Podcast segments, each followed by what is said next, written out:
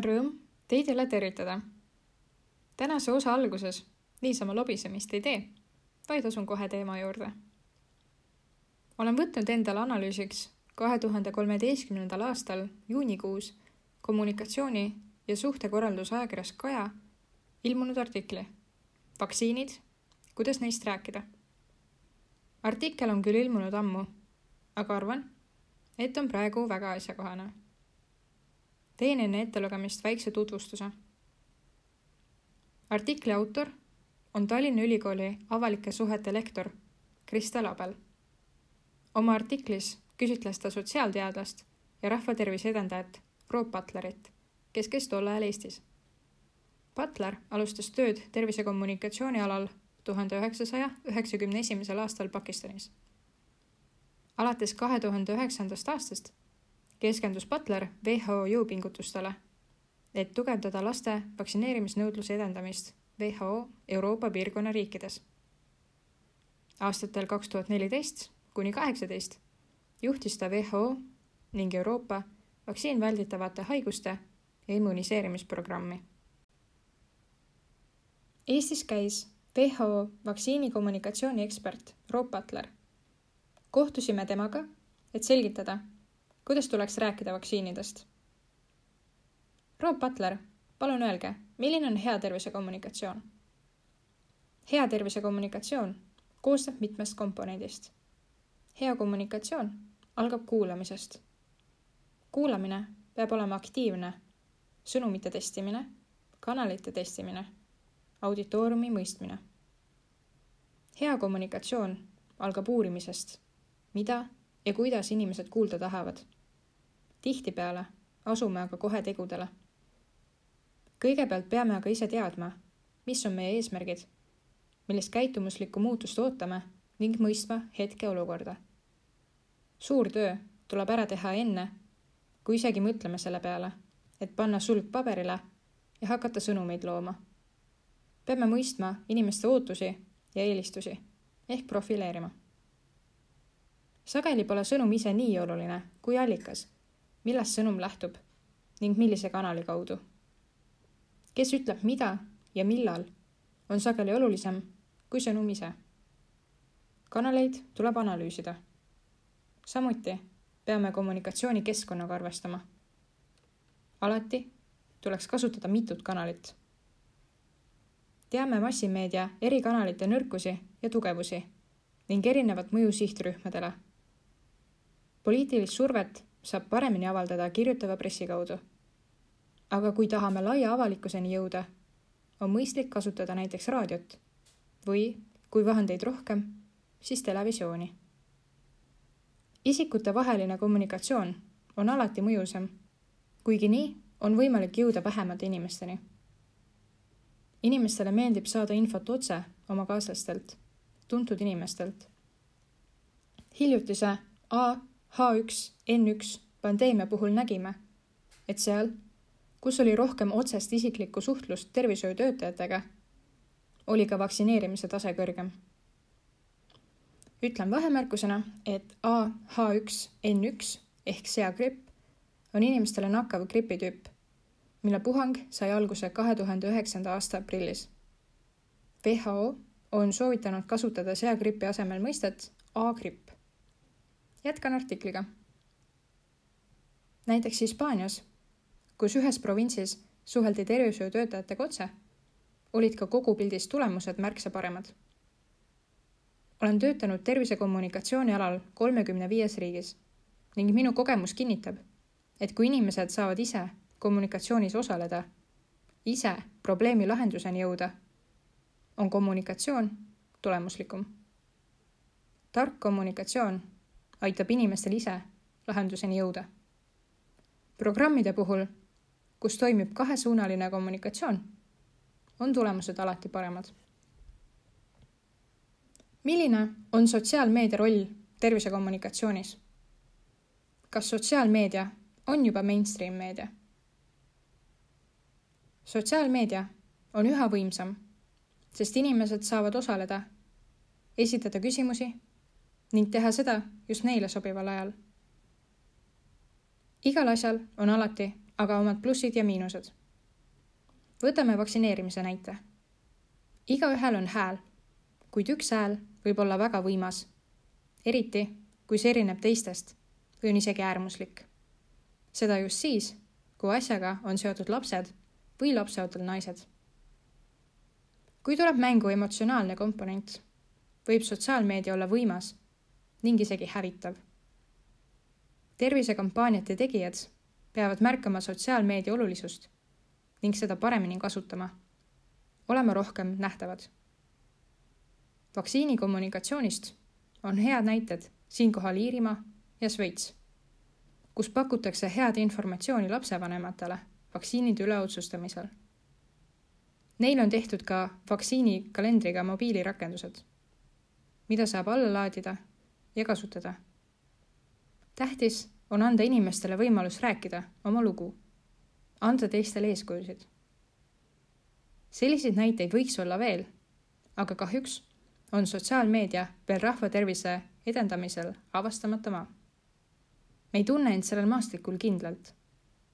kui ministeerium või mõni muu ametkond ka plaanib sotsiaalmeedias rahvatervise teemadel osaleda, küsitakse endalt, kuidas avalikkus sellele reageerib kas upume avalikku kriitikasse? kas saame hakkama?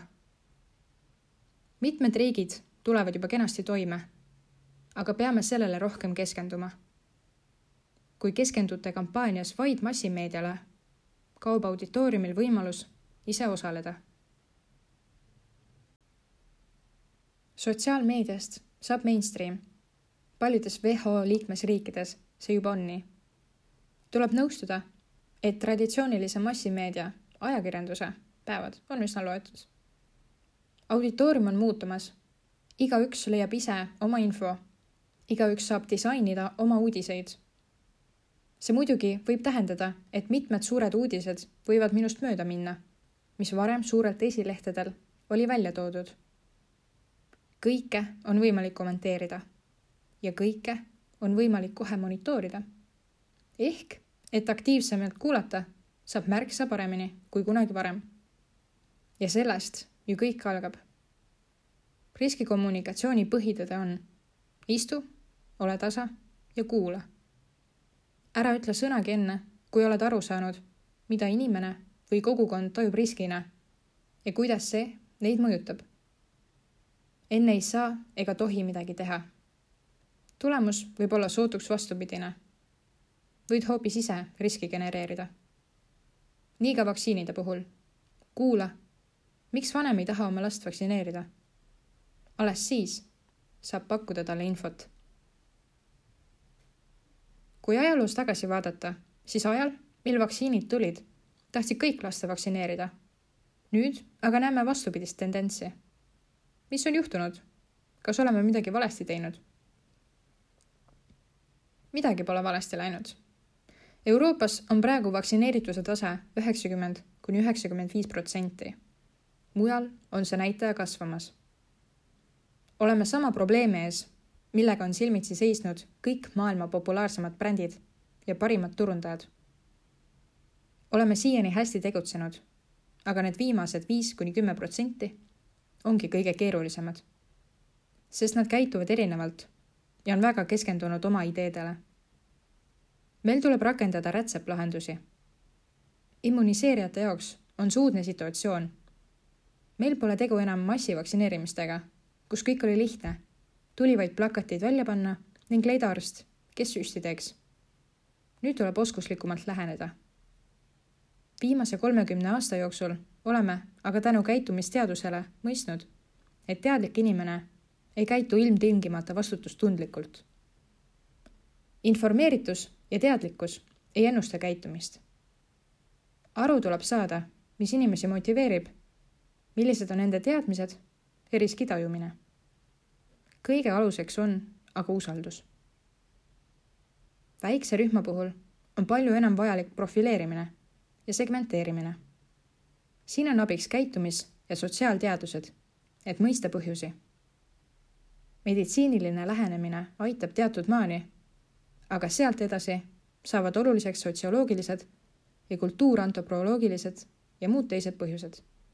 mis määravad tervisekäitumise, nii selle barjäärid kui ka motivaatorid. samuti on muutunud meediakeskkond ning inimestel on võimalus otsida informatsiooni ise. kui nad siis otsivad ise infot, on meie ülesanne tagada, et neil oleks võimalik leida tasakaalustatud infot, mille põhjal informeeritud otsuseid langetada.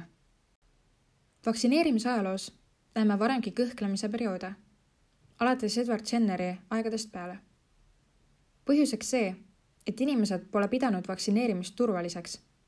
ehk et see pole midagi uut. kindlasti vajab see meie tähelepanu. peame pakkuma tõenduspõhist infot, nii tihti edastama väga keerulist meditsiinilist juttu kasutajasõbralikult ja arusaadavalt.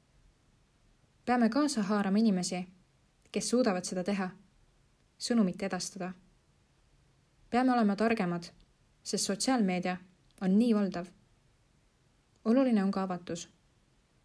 võimud peavad rohkem ja avatumalt rääkima vaktsineerimistest ning julgema ka ütelda, kui miski pole vaktsineerimise puhul korras, aga tasakaalustama seda haigestumise riskiga. näiteks leetrid. ma väga loodan, et suudame selle haiguse kaotada. Meil on olemas teadmised, poliitiline tahe, tehnoloogia nüüd on vaja anda veel viimane tõuge. peame leetritest jagu saama.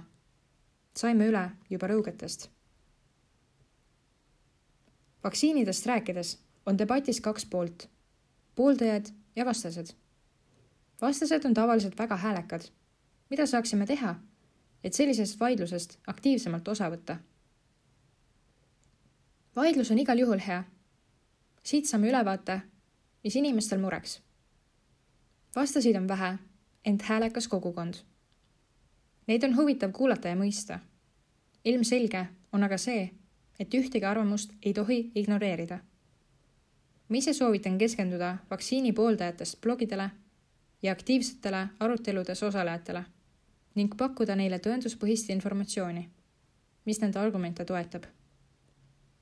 ilma infota või statistikata on vaktsineerimise, selle tootmise turvalisuse ja nii edasi teemal väga raske vaidluses osaleda. rahvatervise eest vastutajatena on meie ülesanne teha informatsioon võimalikult kättesaadavaks. me peame rääkima ka lapsevanematele arusaadavas keeles. seda on sageli lihtsam ütelda kui teha. oleme tihti ise minetanud selle oskuse, kaldume tehnilise kõnepruugi poole. Määravaks saab info ja sõnumite pakendamine olen väga seda meelt, et kommunikatsiooni roll rahvatervise areenil peab saama senisest palju tähtsamaks. kommunikatsioon tuleb õuest külma käest tuppa kutsuda. seni on kommunikatsiooni peetud üleliigseks. kusagil äärel olevaks tegevuseks või mõeldud sellele vaid kriisi ajal, näiteks pandeemia puhul. aga see on vale lähenemine. Kommunikatsioon peab saama prioriteetseks kui pall toolide vahele kukub, on jama majas ning situatsioon võib areneda kergelt kriisiks. ka peaksime rohkem kasutama vastutustundlikke ettevõtteid rahvatervise edendamisel. keskkonnaorganisatsioonid on seni olnud palju edukamad ettevõtete kaasamisel. olete töötanud tervisekommunikatsiooniprogrammidega maailma eri paigus. Millised on erinevused? alustasin erialase tööga tervisevallas Pakistanis ja Afganistanis. seejärel olin Aafrikas ning mitmes Aasia riigis. Euroopasse tulin alles hiljem. olen siin ainult kolm aastat töötanud. praegu WHO Euroopa kontoris töötades on väljakutse väga suur. meie regioonis on kakskümmend viis keelt ning ühtse sõnumi leidmine üsna raske. WHO Euroopa regioonis tuleb selgelt välja, et läänes on kommunikatsioon väga avatud, osalemisele suunatud, arvamusi avaldatakse vabalt ja häälekalt. vanemad otsustavad oma laste vaktsineerimise üle. idas on propagandataak väga selgelt tunda. toimib ühesuunaline kommunikatsioon ja nii edasi. see ei tähenda, et kommunikatsioon oleks vähem efektiivne, aga väga erinev küll usaldus võimude poolt öeldu vastu on suur ning osalust polegi vaja. ja samas mõju tervisekäitumisele on väga kõrge. mõlemad lähenemisviisid töötavad eri kultuurikeskkondades, aga on määratult erinevad. on suur vahe, kas meedia on vaba, kas see on tsentraliseeritud, kas see on ühe- või kahesuunaline, koordineeritud või ülalt alla suhtlemisstiiliga. Mida arvate ravimitööstuse kaasamisest vaktsiinikommunikatsiooni? vaktsiinikommunikatsioon on ainulaadne, sest me ise vaktsiine ei tooda, aga siiski promome neid. tootjate kaasamine on habras jää, sest tekitab küsimusi nii avalikkuses kui ka meedias. kõige olulisem on, et teil oleks olemas selge kommunikatsioonistrateegia ja plaan. kui see on olemas, siis erasektor haakub sellesse üsna loomulikult. kindlasti on oluline tootjatega suhelda, aga teie ise peate mängu juhtima, sest teie olete rahva tervise eest vastutaja. sõnumid peavad olema ühtsed. selleks on vaja kõigi osaliste heakskiitu ja tahet neid sõnumeid jagada ja edastada ja alati olla läbipaistev ja avatud. Teen ette loetud artiklile analüüsi. autor viitab kahe tuhande kolmeteistkümnenda aasta probleemile, et Euroopas oli vaktsineerimise määr üheksakümmend kuni üheksakümmend viis protsenti ning keskendub sellele, kuidas saada viimased viis kuni kümme protsenti vaktsineerima. ta leiab lahendusena hea kommunikatsioonistrateegia ning mõtestatud planeerimise. sidusrühmadeks on näiteks kommunikatsioonispetsialistid, press, ravimifirmad, rahvas. tulles nüüd aastasse kaks tuhat kakskümmend, millal sai koroonakriis Eestis alguse, sai tehtud palju kiireid otsuseid, mis olidki selles olukorras vajalikud. kaheteistkümnendal märtsil suleti riik ning alustati kriisist väljumiseks plaani töötamisega jah, on raske teha plaani, kui pole teada veel kõike uuest viirusest, selle levimisest, nakkusohtlikkusest ja nii edasi. kuid nüüd, aja möödudes tundub, et ikka üritatakse kommunikeerida plaani, mida pole tegelikult olemas. ebaselge kommunikatsioon on pannud paljusid inimesi kahtlema. usutakse kõike muud peale tõenduspõhise info. leian, et oleksime hetkel hoopis teistsuguses olukorras, kui oleks kommunikatsioonistrateegia loodud eelneva artikli põhjal. Või sellele pärast rasket algust korrektuure tehtud. kordan üle artikli alguse. hea kommunikatsioon algab kuulamisest. hea kommunikatsioon algab uurimisest, mida ja kuidas inimesed kuulda tahavad. tihtipeale asume aga kohe tegudele. mõistan, et olukord on olnud meie kõigi jaoks uudne, kuid leian, et just seda, seda algpunkti pole suudetud siiani täita. Seetõttu ei liigu me ka õigesse suunda ning korraldatakse meeleavaldusi, kus kantakse särke kirjaga Eesti arstid on saast. erinevalt paljude maade arstidest vaikivad nad kohutava koroona kuritegevuse ja terrori puhul. Vau! seda kõike ajal, kui meedikud on väsinud ületöötamisest koroona eitajate, maskide ja vaktsiinivastaste hirme pole suudetud leevendada. Teaduspõhine info on esitatud liiga keerukalt.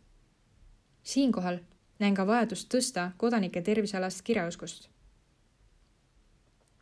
on räägitud voodikohtade arvust, mis aitaks inimesel mõista probleemi suurust, kuid juba levivad sotsiaalmeedias pildid kirjaga. Eestis on kakskümmend haiglat neist neli ülisuurt. üksinda Tartu haiglas on üheksasada voodikohta ja Eesti meditsiin on väidetavalt põlvili kuuesaja haigega. see teeb haigla kohta kolmkümmend inimest. neli haiglat üksi suudavad katta mitu tuhat voodikohta, aga rahvas usub kõike. selle meisterarvutuse avaldajaks on Instagrami konto Avasilmad, millel on tuhat ükssada kuuskümmend kaks follower'i kahekümne kuuenda oktoobri seisuga. Facebookis on Instagrami story's tehtud ekraanipildil kakssada seitsekümmend viis jagamist ning all pilkavaks kommentaariks, et äkki enamik kvoodid on katki. naljakas, kas pole? selline info on levinud nüüd siis tuhandeteni. kahjuks ei mõisteta, et ainult voodikohtadest ei piisa. on vaja ka meditsiinipersonali, kes patsientidega tegeleks ning keda võetakse appi plaanilise ravi arvelt.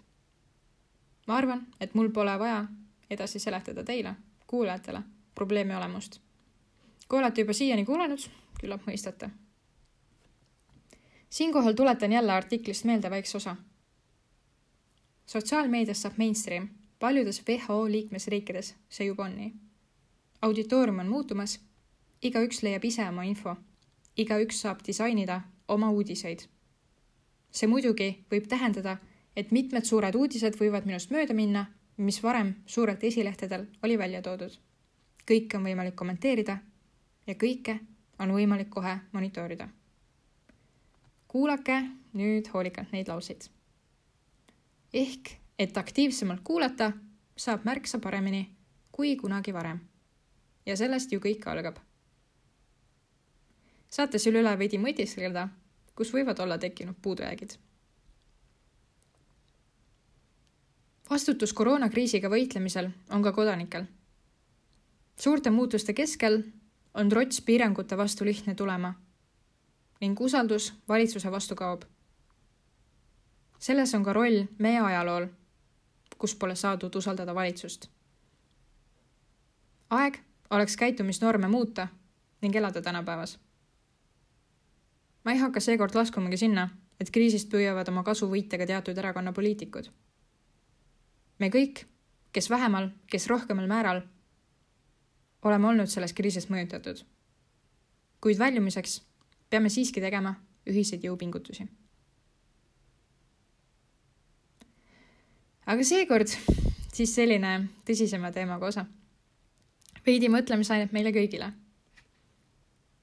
aga proovi ikkagi positiivsust säilitada, liigu värskes õhus, suhtle enda jaoks kallitega ning ole teineteise jaoks olemas ära karda ka ise abi küsida.